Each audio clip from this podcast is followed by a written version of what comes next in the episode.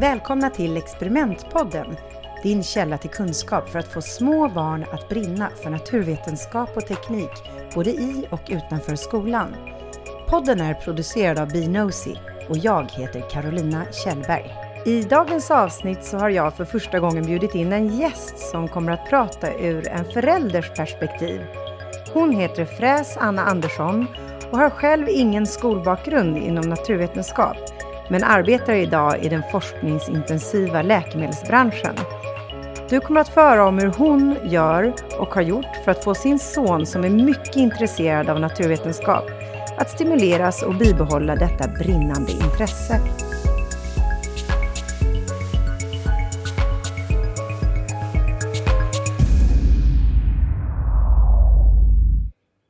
Hej Anna och välkommen till Experimentpodden! Hej Carolina, tack så mycket! Det är så roligt Anna, för att du är den första föräldern här i Experimentpodden som jag ska intervjua just för att du har ett barn som är så extremt intresserad av naturvetenskap och eh, har varit det länge. Men först innan vi sätter igång och pratar om honom och hur ni jobbar tillsammans i hemmet så vill jag höra lite vem du är. Absolut, det ska bli jätteroligt att vara med i den här podden Carolina.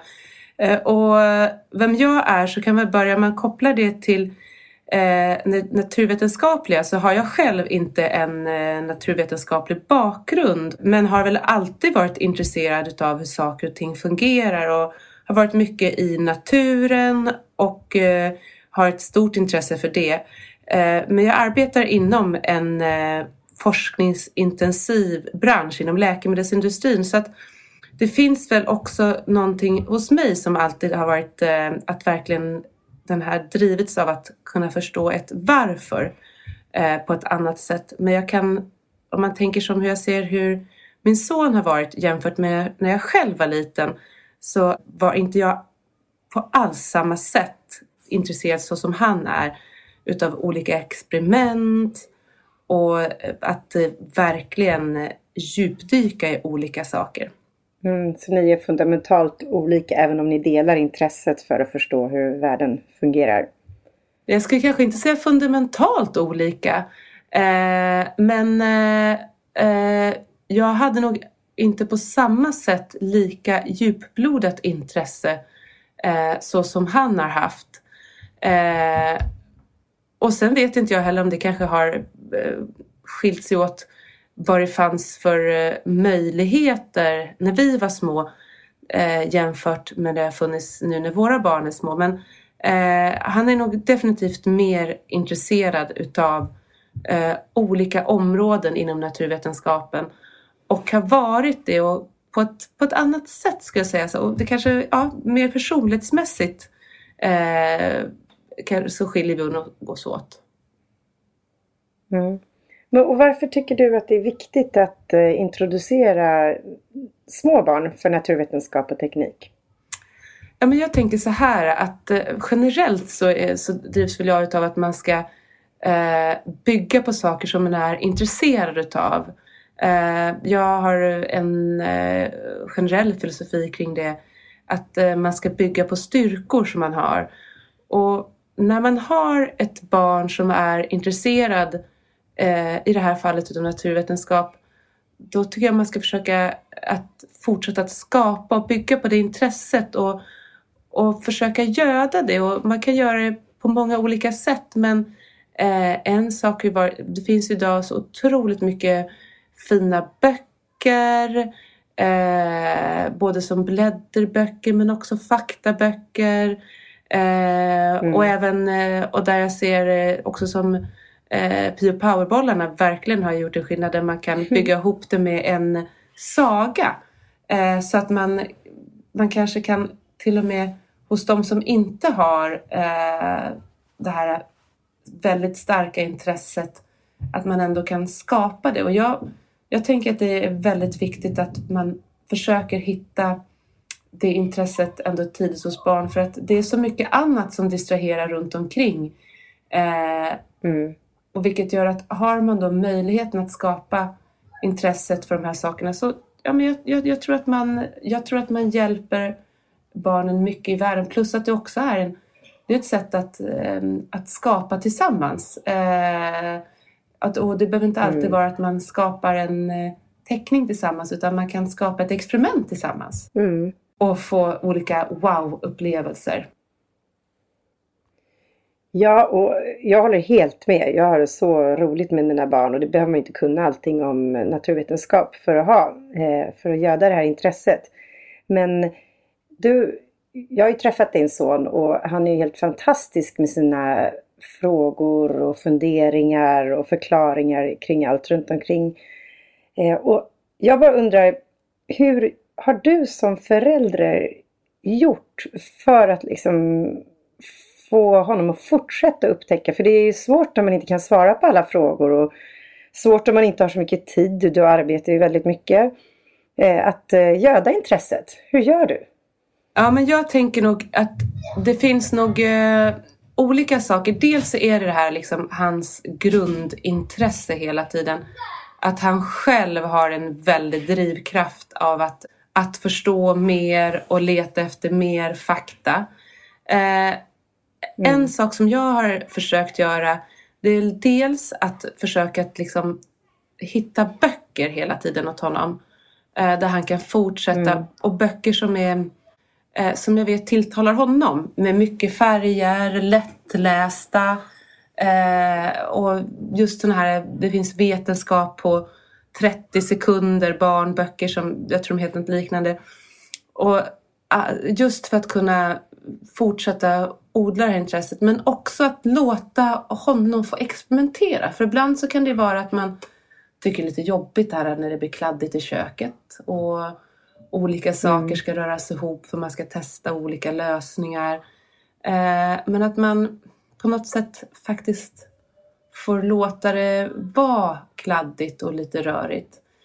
Eh, det är det ena. Mm. Sen har jag också tittat in på eh, olika saker. För att det kan ju vara, just i mitt fall så har jag en son som är intresserad av, det, intresserad av vetenskap men kanske inte lika intresserad av fotboll och liknande. Men att då hitta, eh, vad ska man säga, även typer av communities, kanske fel ord, men eh, liknande, man kan träffa andra som har också liknande intresse. Så jag tittade på eh, Kungliga Vetenskapsakademin som tidigare hade kurser, KTH samarbete som haft för barn eh, och ungdomar innan coronan hade de, de hade olika natur, eh, ja, ja, men exkursionskurser, du vet när du vaskar och, och sen har de haft in, senare på labb också men det har tyvärr varit nedstängt på grund av corona. Men jag hoppas det kommer igång igen för det är också sådana saker man kan försöka göra för att eh,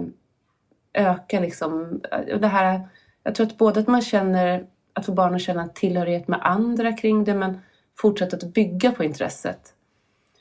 Något som jag mm. har tyckt varit utmanande däremot det är liksom, det är ofta så här man finns otroligt fina sådana här äh, äh, chemistry box och olika experimentlådor. Men Mm. Där kan jag ibland tyvärr ha saknat att man inte har, de är inte alltid så lätta. Och instruktionerna är inte alltid så lätta. Och just som du sa innan, när tiden Nej. inte finns så, och man kan sitta där i lugn och ro länge, då är det inte alltid så lätt att göra de här. Så där skulle man ibland önska att det fanns mer utförliga beskrivningar så att barnen också kan göra det själva eh, på ett annat sätt. Mm. Mm, och jag håller med. Vi gjorde tvål igår, jag och min dotter. Och eh, jag missade en ingrediens och skulle försöka det, göra om alltså, och så blev allting bara pannkaka. Så nu måste vi antingen köpa en ny låda eller acceptera att det aldrig blev några bra badbomber eller vad det hette. Ja, nej men precis. Och det är så att de här olika slime labs som fanns alla möjliga. Och, och liksom, ja, det är synd att det inte... För det, det är verkligen en sån grej som man skulle kunna göra eh, som man skulle kunna göra på ett bra sätt för barn och ungdomar som har intresset och även för att göda intresset tänker jag hos dem eh, som har lite intresse mm. men skulle kunna liksom få det bli ännu mer intressant. Mm. Men, och, jag tycker det låter som en klok idé. Det var jättekomplicerade instruktioner i den här badbomben jag försökte göra igår. Väldigt mycket information som man inte hade behövt. Ja men precis. men, eh, men jag tänkte på det när du, nu läser ju din son själv, men när han inte läste, köpte du då högläsningsböcker som ni läste eh, för honom då som hade med naturvetenskap och fakta att göra? Ja, det gjorde vi eh, då också. Sen också mycket böcker med bilder.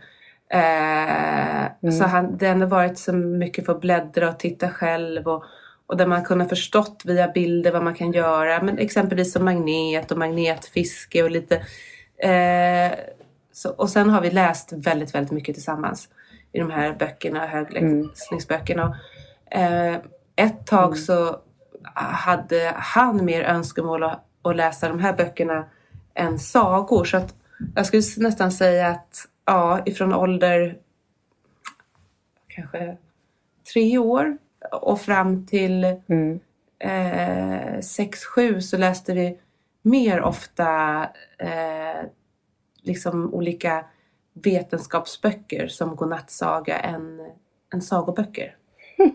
så att, det är helt eh, fantastiskt ju, att man har en sån stark eh, vilja och kan påverka i så ung ålder. Ja, så att, och, då, och, då, och det var ju varit hans önskan framförallt. Det var ju, ibland har det kunnat vara jag som nästan sagt, ska vi inte läsa Petson och Findus istället? Eller, eller någon annan bok. Men så ska vi fortsätta igen med den här eh, om kvarkar eller eh, ja, atomklyvning. Så det, ja. men, men då undrar jag, har du någon gång känt eh, att din son blivit frustrerad för att du inte kan hjälpa och stötta tillräckligt?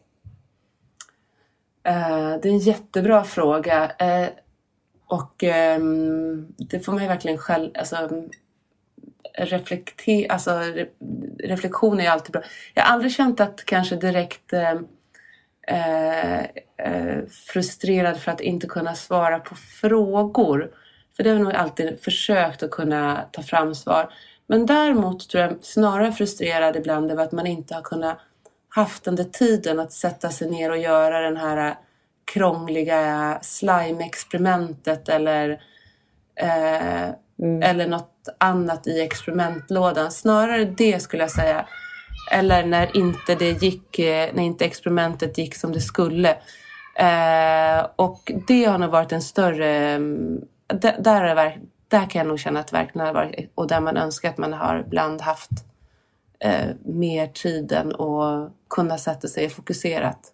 Sen gick han också på ett eh, dagis som eh, var fantastiskt när det kom till liksom att eh, experimentera, att diskutera vetenskap eh, och väcka intresset ytterligare.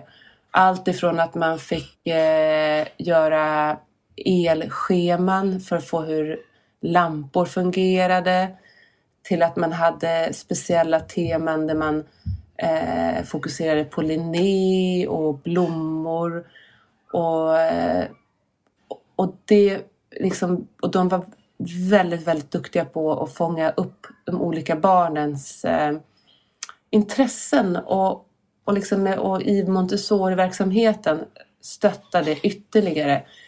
Eh, det kan ju sen då tyvärr tycka är tråkigt med den svenska skolan, eller i alla fall den skola där vi har varit, att fritidsverksamhet eller skolverksamhet har inte sen mm. eh, kunnat bygga vidare på. Det, det är så synd att man inte har små vetenskapsgrupper eller, eller liknande där man får eh, djupdyka. Det var ett tag på hans mellanstadieskola där man hade en speciell frågestund och där man då men det var mer oftast kanske kring fokus på aliens. Så på förskolan var det väldigt bra och verkligen blomstrade av naturvetenskap och upptäckarglädje. Ah.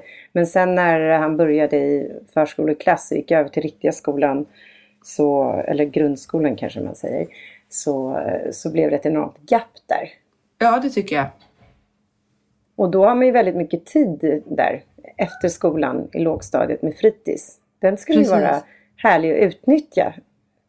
Ja, det är så synd att de inte gör och att inte, och det finns säkert skolor som gör det men man, och då skulle man verkligen vilja att de skolorna fick ännu mer uppmärksamhet. Och man skulle kunna typ göra en best practice sharing. Men allt är kopplat lite kan jag tänka mig också till ja, men personalen, vilka intressen de har. Men just fritids spelar en jätteviktig roll eh, och där man skulle kunna ha små vetenskapsgrupper, eh, kemigrupper eller liknande testa det, enklare experiment. Allt ifrån statisk elektricitet med ballonger till, ja, men, mm. du vet, till, till, eh, till saker som puffar lite eller någonting händer. Det, det, det finns så mycket ja. som man skulle kunna göra. Mm. Och fritids är ju en fantastisk eh, miljö. Ja, Väldigt härliga, engagerade lärare där. Så det finns ju alla möjligheter. Precis, och det var, vi önskade men tyvärr så fanns det inte man hade inte utrymme för det. Vi, vi var på flera föräldramöten och så att vi önskade just att fritids skulle, om de kunde ordna små experimentgrupper eller ja, vetenskapsgrupper.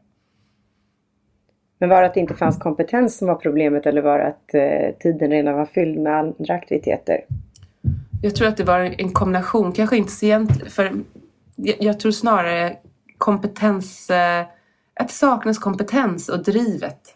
Anna, du sa där att det var ett väldigt stort gap Eh, mellan naturvetenskapsinlärandet i förskolan och skolan. Såg du på din son att hans intresse mattades av lite i och med eh, skolans input eh, som minskade?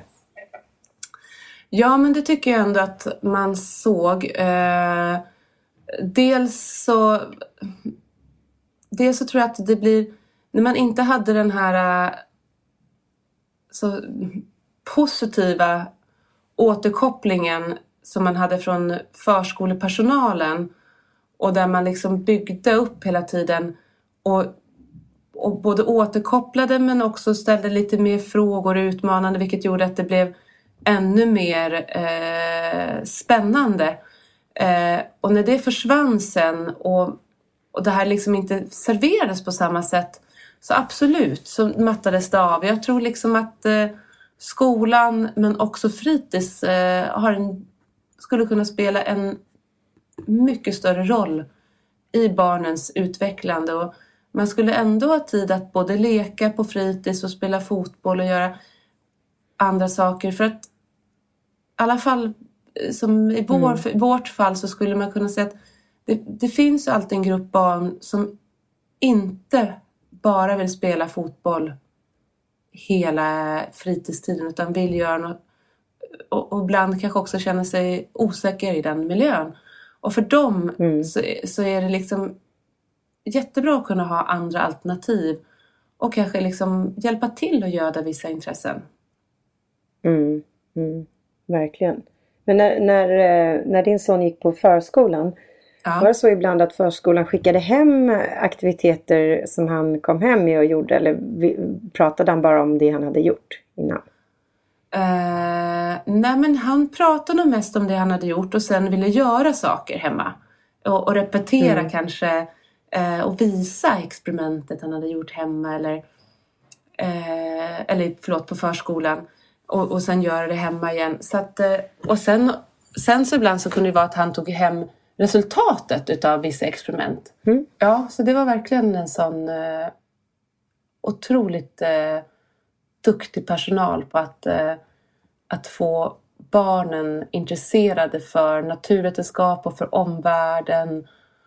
Och det var synd att, liksom, att det blev sånt gap sen till skolan att man inte riktigt kunde ta det vidare på samma sätt. Nej, men också som de kopplade till, de kopplade till Nobelfesten och de olika prisen man fick där. Och det, det, det är rätt smarta grejer liksom. Men att de kopplade det till eh, nutida händelser eh, ja. som var aktuella. Så att, ja, verkligen eh, jättehäftigt. Anna, det här har varit så spännande att höra ditt perspektiv som förälder.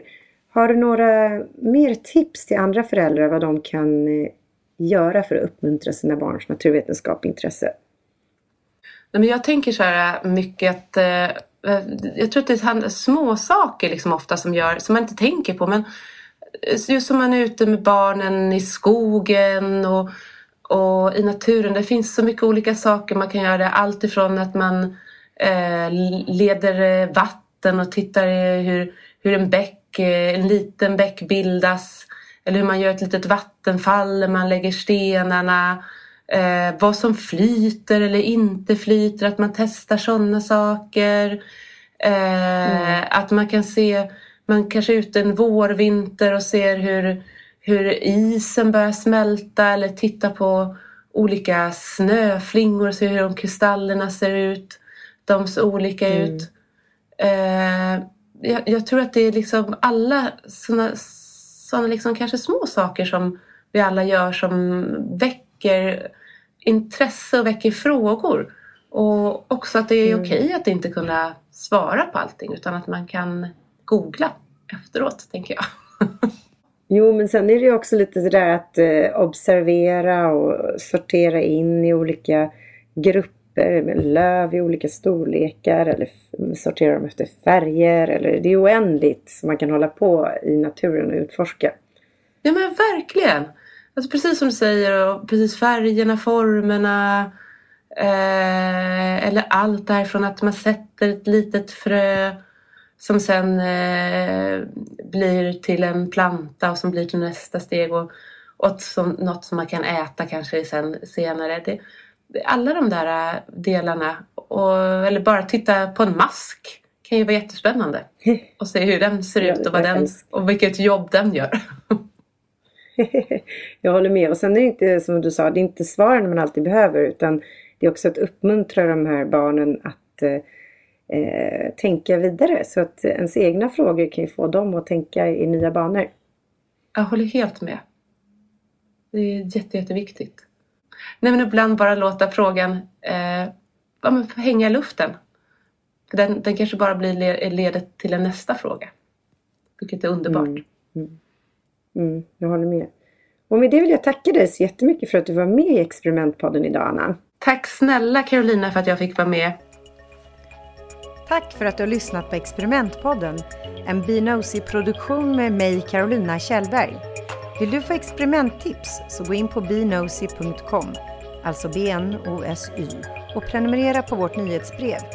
Eller så kan du också prenumerera på vår Youtube-kanal, Bnosy Kids, som är fylld av filmer där barn gör enkla experiment. I nästa avsnitt träffar jag Sofie Eld, NTA-samordnare för förskola och skola. Hon kommer att prata om hur hon får lärare att våga undervisa i naturvetenskap och teknik trots att de själva inte har bakgrund inom dessa områden. Vi hörs då!